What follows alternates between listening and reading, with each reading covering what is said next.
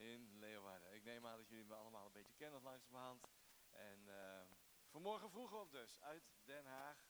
En uh, ik ben geen ochtendmens, dus heb genade, heb genade. Maar ik ga vreselijk mijn best doen. Ik ben enthousiast ook over de leidersconferentie. De flyer is net af. De ondertiteling was nog niet af, omdat het filmpje van pastor Jeffrey net binnenkwam. En uh, we daar nog even moesten wachten. Hij was op vakantie. Dus hij zei, het eerste wat ik doe als, uh, als ik terug ben van vakantie, dan stuur ik een filmpje.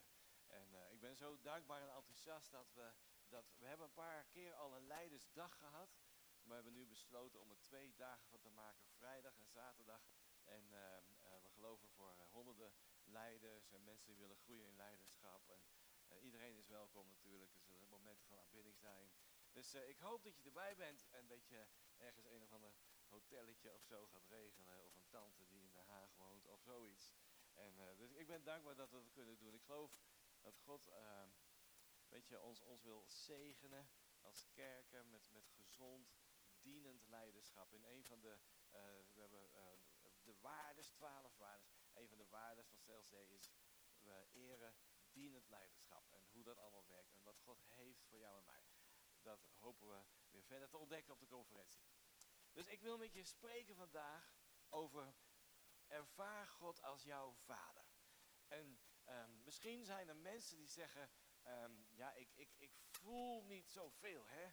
Dus ik geloof wel dat God bestaat, maar ik zou zo graag wat meer willen ervaren als vader. Voor andere mensen is het hele woord vader misschien zelfs een beetje uh, beladen. Gaan we zo uh, iets over delen. En hier is misschien een sleutel als ik een beetje mag beginnen met een soort conclusie van mijn woord, waar ik naartoe wil. Is, zou het kunnen zijn dat hoe meer wij ons gedragen als zonen, hoe meer we God als vader gaan ervaren. Begrijp je wat ik bedoel? En, en ik weet het, dames, ik weet het, je moet je gedragen als zonen net zo goed als dat wij deel worden van de bruid van Christus als man. Dus we hebben allebei daar een interessante situatie. Maar zou het kunnen zijn dat in de mate dat we meer ons gaan gedragen als zonen, wandelen in zoonschap naar God de Vader toe, hoe meer we Hem gaan ervaren als, uh, als vader. Deze boodschap is eigenlijk begonnen met Vaderdag, maar is nog steeds een beetje aan het groeien. En uh, er was iets lastigs. Vaderdag. En misschien is het hier in Leeuwarden, in deze regio, nog iets minder. Maar in Den Haag zijn er zoveel gebroken gezinnen dat als je begint te praten over vaderdag, dat dat voor veel mensen een pijnlijk gebeuren wordt. En er zijn zelfs heel veel scholen die hebben besloten, we gaan helemaal geen vader- en moederdag meer doen. Want er zijn zoveel kinderen uit gebroken gezinnen. Eén kindje zit een tekening te maken, my daddy is my hero. En het kindje daarnaast heeft geen vader of niet meer, of vader is weg.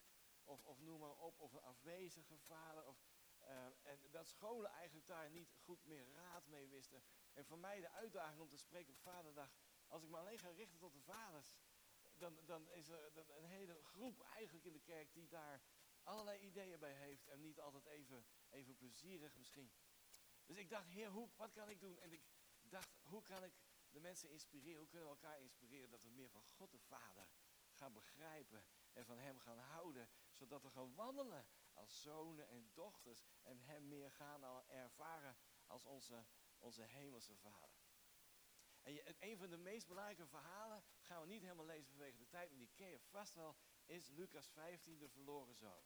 En ik, ik, ik vat hem even samen, zonder nou dat hele hoofdstuk te lezen. Er waren twee zonen en de jongste zoon, die zei tegen zijn vader, geef mij wat mij toekomt, mijn erfdeel.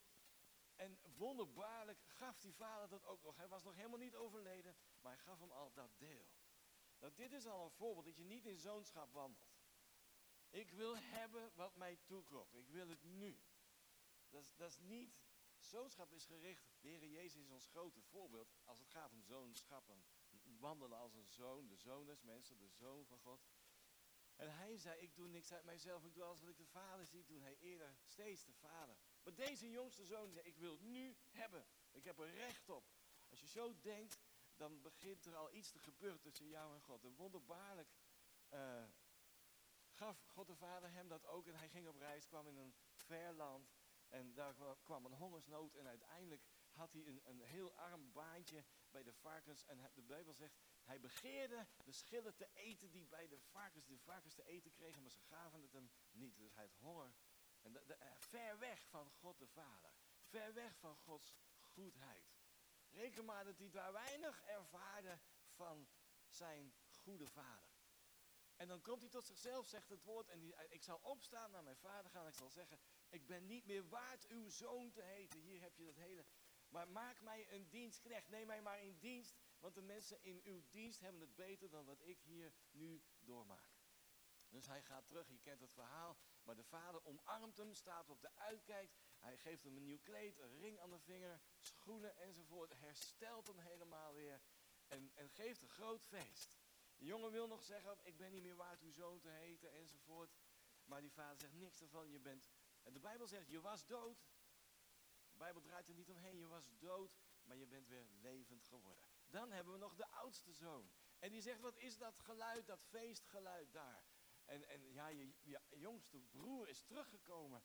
En, uh, en de vader geeft een groot feest. Maar hij weigert om naar binnen te gaan. En dan zegt die oudste zoon tegen die vader: Ik heb altijd voor u gewerkt. Let op dat woordje gewerkt. En ik heb nooit een feestje gehad. En nou die zoon van u komt terug en u geeft hem dit grote feest. En de vader probeert, dringt aan, om hem naar binnen te brengen. Twee zonen die allebei niet... De vader zegt trouwens tegen die oudste zoon over die feestjes. Al het mijne is het jouwe. De jongste zoon liep weg van de vader, ervaarde Gods goedheid niet meer. De oudste zoon dacht als een dienstknecht. En was teleurgesteld. Maar zijn vader zegt, al het mijne is het jouwe. Wat, wat had ik meer, wat, hoeveel feestjes had je willen hebben? En, uh, en dan zie je twee zonen die allebei niet de goedheid van hun vader, en natuurlijk gaat dit over God de Vader, ervaren vanwege hun eigen vanwege hun eigen conceptie, hun beeld. En niet wandelen in de zegeningen, in de identiteit van zoonschap. En zoals je misschien weet, de hoofdstukken zijn later toegevoegd aan de Bijbel. Dus Lucas 15, Lucas 16. Mensen hebben dat om het makkelijk te maken om dingen op te zoeken. Maar dat, dat is één verhaal. En in Lucas 16, dat hebben we wel op het scherm, dan zegt de Heer Jezus, hij zei ook nog tegen zijn discipelen, let op, tegen zijn discipelen, uh, er was een rijk man die een rentmeester had. Van deze werd hem aangebracht dat hij zijn bezit verkwiste. En hij liet hem roepen en zei, wat hoor ik daar van u? Doe verantwoording van uw beheer, want gij kunt niet langer rentmeester blijven. En de rentmeester zei tot zichzelf, wat moet ik nou doen? Kun je je voorstellen wat hier gebeurt? Natuurlijk is de jongen hersteld. Hij is teruggekomen. En de vader heeft hem nieuw kleed gegeven. Nieuw, en, en, en dan komt er dat moment, hij moet nog wel zijn les leren.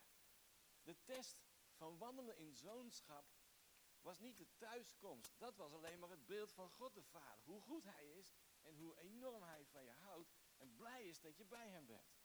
En dan wil hij ons helpen en trainen. Maar mag ik zeggen, coach, het is meer dan coach. Dit is God die spreekt. Onderwijzen hoe principes werken. En hij zegt eigenlijk dit tegen die zoon. Ik wil dat je je les leert. En, en, en een sleutelwoord daar is niet, ik wil nu hebben wat mij nu toekomt. Een sleutelwoord is rentmeesterschap.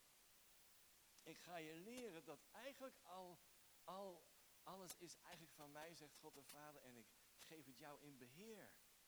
Er is dat lied, ik weet niet of je het hier zingen, dat, um, dat zelfs elke adem waar we dat lied mee zingen, is van God gegeven. Elke, elke adem, alles is van de Heer.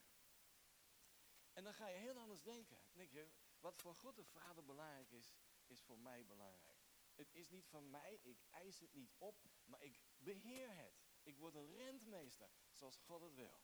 Wat is belangrijk voor hem? Wat er is in zijn hart? Welke principes? En zo begin je te wandelen in zoonschap. En zo begin je te ervaren wie God de Vader voor je is.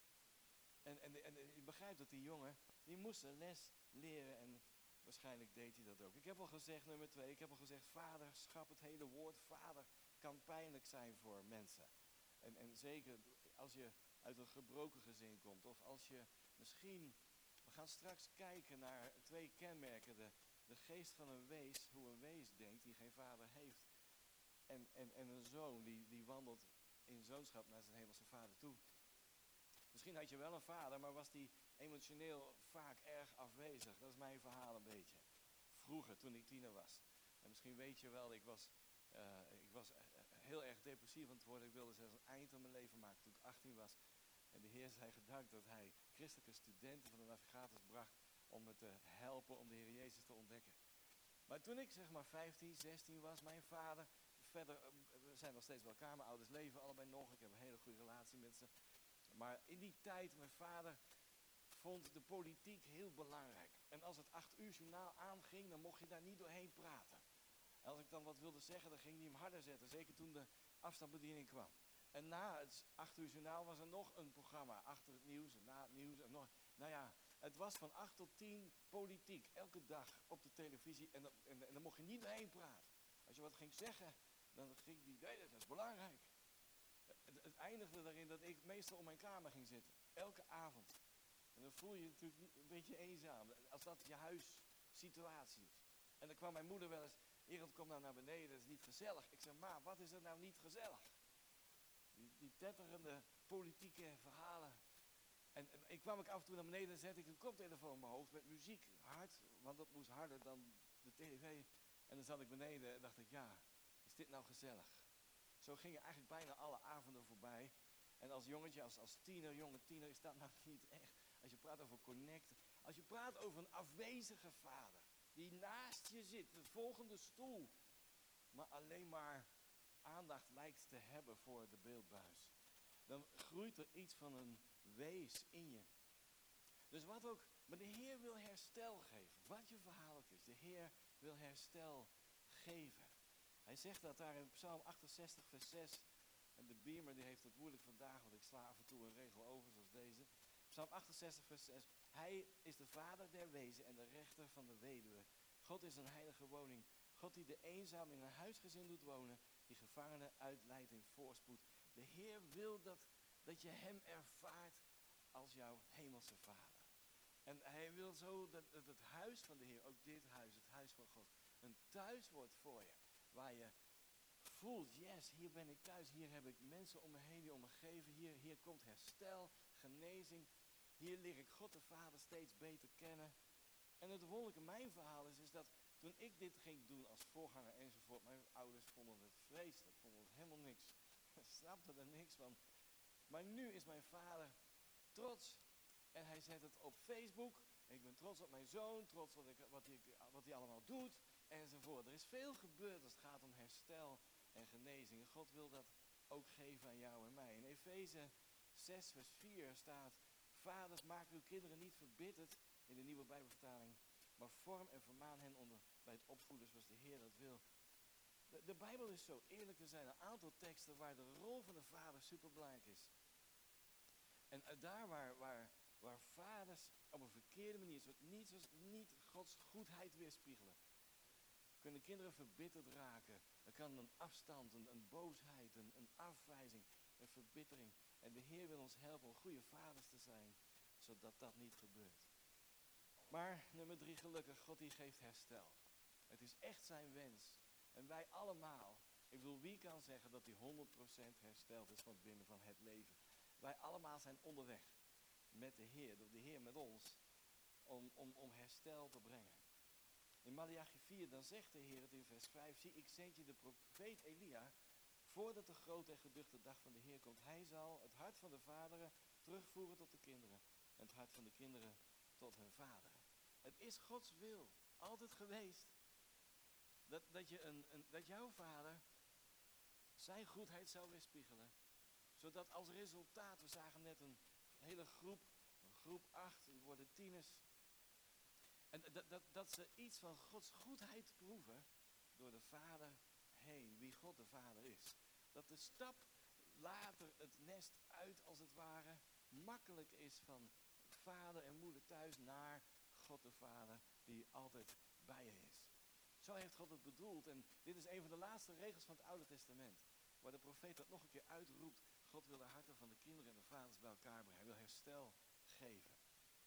Na Malachi is er, naar wat men zegt, 400 jaar stilte. En dan begint het Nieuwe Testament. Een van de laatste regels van het Oude Testament. Er is een mooi voorbeeld in de Bijbel in Genesis 35. En dat is Jacob. Een, een, een man, een vader. En misschien, ik vat het maar even samen. Uh, zijn broer Esau was naar hem op weg, wilde hem doden. En uh, met 400 man zelfs. En, en, Jacob was bang en hij dacht, dit gaat, dit gaat helemaal niet goed. En hij stuurt zijn kinderen op uit en, en, en vrouwen en allemaal cadeautjes en zo. Om, om Esau maar een beetje gunstig te stemmen. En zelf blijft hij achter, aan, achter uh, bij de rivier de Jabok. En dan, dan, dan, heeft hij dat beroemde moment met God, waar, waar, waar vecht met God. En waar hij dan dat beroemde gebed bidt. Heer, ik laat u niet gaan tenzij u mij zegent. En, en God doet het. Hij verandert zijn naam, Jacob, in Israël, prins met God. En hij, hij, hij, hij krijgt een nieuwe identiteit. En dan vlak daarna, in een ontmoeting met de Heer, zijn nieuwe identiteit die God hem gegeven heeft. Vlak daarna, Genesis 35. Vind je dit? Lees maar mee in, op het scherm. Daarna zei God tegen Jacob, sta op, ga naar Bethel. En Bethel is, dat betekent zoals je weet, huis van God. Ga naar het huis van de Heer en ga daar wonen bij Bethel. Maak daar een altaar voor de Heer die aan u verschenen is. En toen, vluchtte, toen u vluchtte voor uw broer Esau. En toen zei Jacob tegen zijn huisgezin, let op, hier is de vader die spreekt en zijn verantwoordelijkheid neemt.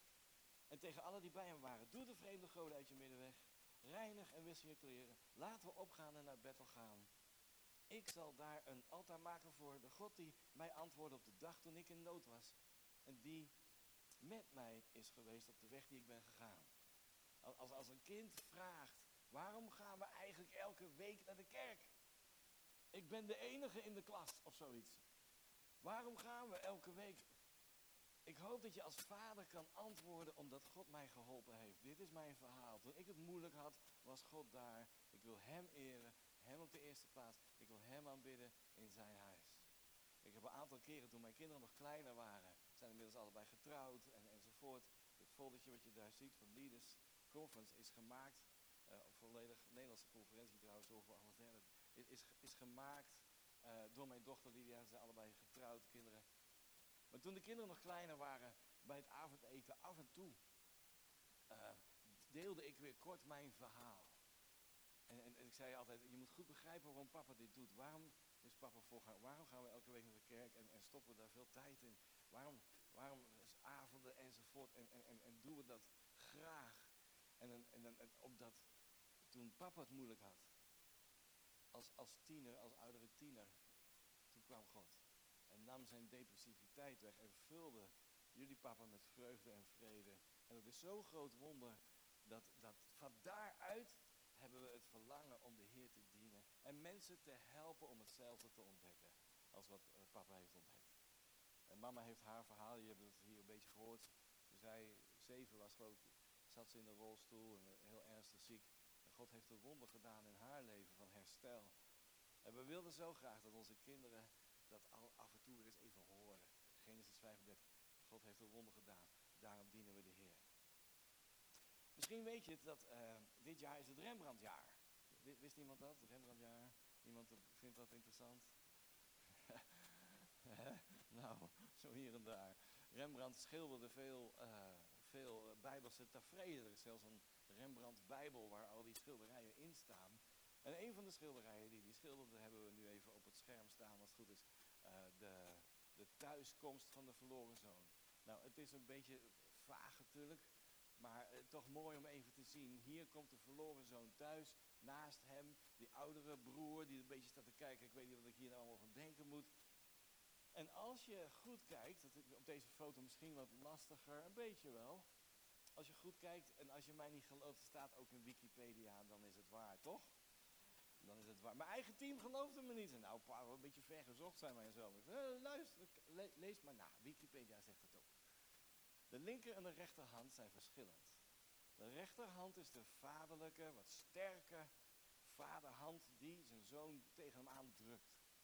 En de linkerhand is de wat tedere, moederlijke, vrouwelijke hand.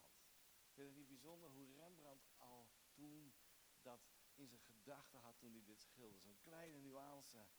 God is sterk, maar hij is ook heel liefdevol, heel warm. Je bent welkom thuis bij hem. Dus we hebben het met elkaar erover. Hoe kan je nou leren om te denken als een zoon of dochter in plaats van um, um, een wees? Iemand die eigenlijk leeft alsof hij niet echt een vader heeft, of de vader niet ervaart, of, of, of, of er is nog zoveel afstand tussen de vader en de persoon. En ik, ik heb hier een heel, heel, we gaan er een paar doen, misschien niet allemaal vanwege de tijd. Ik heb hier een aantal uh, kenmerken, uh, als een soort twee kolommen komen ze zo meteen op het scherm, um, waar je een beetje ziet hoe denkt een wees, hoe denkt een zoon. En als je daarna gaat kijken, dan is dat toch vaak verrassing. Oh ja, bepaalde patronen komen ergens vandaan. Een bepaalde manier van denken. En dan ga je het herkennen. En denk je, oh, maar wacht. Ik wil wandelen in zoonschap naar God toe. Ik, ik wil, hoe, hoe, welk denken wil de Heer hier mij geven? En nooit vergeten dat de eerste wees in de Bijbel, wie denk je dat dat is? De eerste wees is de duivel zelf, Satan zelf die uit de hemel werd geworpen. Hij zei, ik zal opstaan, ik zal opgaan en net als God worden. En God zei, dat gaat niet, dat is pure rebellie. Wierp hem uit de hemel, geen thuis meer. Nu staat hij dwaalt rond, zoekende wie die kan verslinden. Dat is typisch, dat dwalen en zoeken is typisch een kenmerk van een wees. Die heeft geen thuis meer.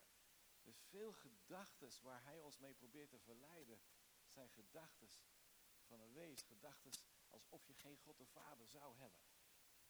Nou, ik, ik noem er even een paar. Zoals ik net al zei, nummer één. Uh, de vijand zei, ik zal net als God zijn. Later zei hij tegen Adam en Eva, nee, God, heeft, God weet dat als jullie van de vrucht eten, zul je net als hem zijn. Kennende goed en kwaad. Dat, dat gevoel, het is een onafhankelijkheid van God. Ik zal net als God zijn. Terwijl de Heer Jezus zei, ik gehoorzaam. Ik, ik gehoorzaam de Vader, ik volg de Vader, ik doe alles wat ik de Vader zie doen. Ik zal niet uit mezelf spreken, maar wat Hij mij uh, zegt en gegeven heeft, zal ik doorgeven. Ik zei al nummer twee, een wees die leeft zonder thuis. En dat gaat best diep. Dat betekent dat je hart eigenlijk niet echt een thuis ervaart. Terwijl de zoon die weet, wij hebben een thuis bij God de Vader. De Heer Jezus zei, ik zal gaan teruggaan naar de hemel en ik zal een plaats voor jullie bereiden, zodat je kan zijn waar ik ook ben. Onze thuis is een hemels thuis. We hebben allemaal mooie teksten waar het staat. Dit, dit, we zijn vreemdelingen en bijwoners. En je mag best genieten van dit leven, de goede dingen die God geeft. Maar nooit vergeten, dit is niet ons thuis. Dit is niet onze eindbestemming. Hoe mooi Leeuwarden ook is, dit is niet onze eindbestemming. Dat is nou weer jammer of Friesland, of Oentjerk, of Nooitjerk, hoe noem je dat allemaal? Al die, ik, sprak net iemand die woont daar in de buurt. Ik dacht, jongen, ja, nee, dat is geweldig. Dat is geweldig. Als je nou toch zo vlakbij zo'n mooie stad Leeuwarden woont. Ben een stadsmens, vergeef me. En uh, weet je, dus, dus, dus onze, echte thuis. Sommige mensen leven, sommige christenen ook, alsof je eigenlijk niet echt je bewust bent van je echte thuis. Alles hier op aarde, alles. Maar de Heer zegt nee. Het derde wat ik zei is, is hij dolt altijd, hij zoekt, er is onvrede. Een wees is altijd aan het zoeken, altijd onvrede, altijd. Terwijl zoon die heeft rust en vrede en die helpt anderen met antwoorden. De wees is heel erg op zichzelf gericht. Iemand, iemand met een, waar nog een stuk wees hierin zit, die voelt zich nooit helemaal thuis. Dus die zijn naar een aantal kerken al geweest. En elke keer zullen ze zeggen, ik voelde me daar niet helemaal thuis. Ze zijn al naar een aantal connectgroepen geweest, ik voel me daar eigenlijk niet helemaal thuis. Ze zijn misschien al naar een paar sportverenigingen geweest, verschil. En eigenlijk is altijd een beetje, ik voel me daar niet helemaal thuis. Kan het zijn dat het niet aan alle connectgroepen en kerken en, en, en eh, sportverenigingen ligt? Kan het zijn dat, dat er iets zoekende is in jou? En de enige thuis is bij God de Vader thuis. Waar God je gaat herstellen, daar komen mensen thuis bij jou. En, en, en je ziet in de wereld waar we leven zoveel mensen zoeken. Ik ga nog zus, ik ga nog zo, ik wil nog van alles. En dat is op zich niet allemaal verkeerd. Maar de vraag is, uh, heb je je thuis? Is jouw ziel thuis gekomen bij de Heer? Bij God de Vader? Ik, nummer vijf, God, de, de, wezen ziet God als een meester. We lazen het, die oudste zoon. Ik heb u altijd gediend. En dus vader zegt, gediend, ik, ik, al mijne is het jouwe. Je bent mijn zoon, je bent geen dienstknecht, je bent een zoon van me. En de, de, uh, de, de zoon ziet God als liefhebbende vader. Nummer zes, de wees die is altijd, er is iets onafhankelijks. Vertrouwt eigenlijk alleen zichzelf. Als je de, de hoe zeg je dat? Het vertrouwen, basic trust. Het vermogen om te kunnen vertrouwen. Is, uh, dat wordt al gevormd in de eerste jaren van je leven. Het vermogen om te kunnen vertrouwen. Als, als jouw nestje veilig was, waar je opgroeide, liefdevol, warm, bemoediging, aandacht, dan groeit er iets in een mens, in een klein mensje nog, als kind van vertrouwen, veiligheid. Als het al, dat begint al in de moeders schoot. Als daar dingen al onveilig waren, dan is er het vermogen om te vertrouwen, is gewoon al aangetast. Dus God vertrouwen is lastig, mensen vertrouwen is lastig, je partner vertrouwen misschien wel van al. En, en, en dan merk je, dan is er iets van, ik, ik vertrouw ten diepste alleen mezelf. En misschien dat niet eens helemaal. Streeft altijd naar complimentjes, bevestiging, acceptatie van mensen. Helpt dat een beetje zo als je dat naast elkaar zit? Terwijl de, de, de, zoon of dochter die ziet een nood ergens anders. Die begrijpt, ik, ik, ik kan iets bieden, ik kan ergens mee helpen. Nummer 7, ziet een de autoriteit, leiderschap, leidinggevende boven je. Wees ziet het eigenlijk als een bron van pijn. Vertrouwt ze niet echt, hebben we net gezegd.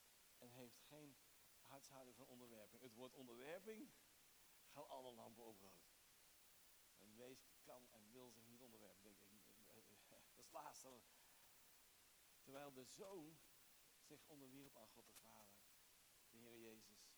En begrijpt dat uh, eervol, respect. Als je, als je goede leiders om je heen, goede leiders boven je, is een grote zegen. Zo heeft God het bedoeld. Ze helpen ons weer verder. Richting uh, de plannen die God met ons leven heeft. Richting de visie die God heeft. Voor ons persoonlijk, voor onze kerk. Goede leiders zijn een grote zegen. Maar soms, soms is er misschien pijn enzovoort. En, en, en het enige antwoord is dat God je herstelt. Het plan van de Heer weer opnieuw laat zien.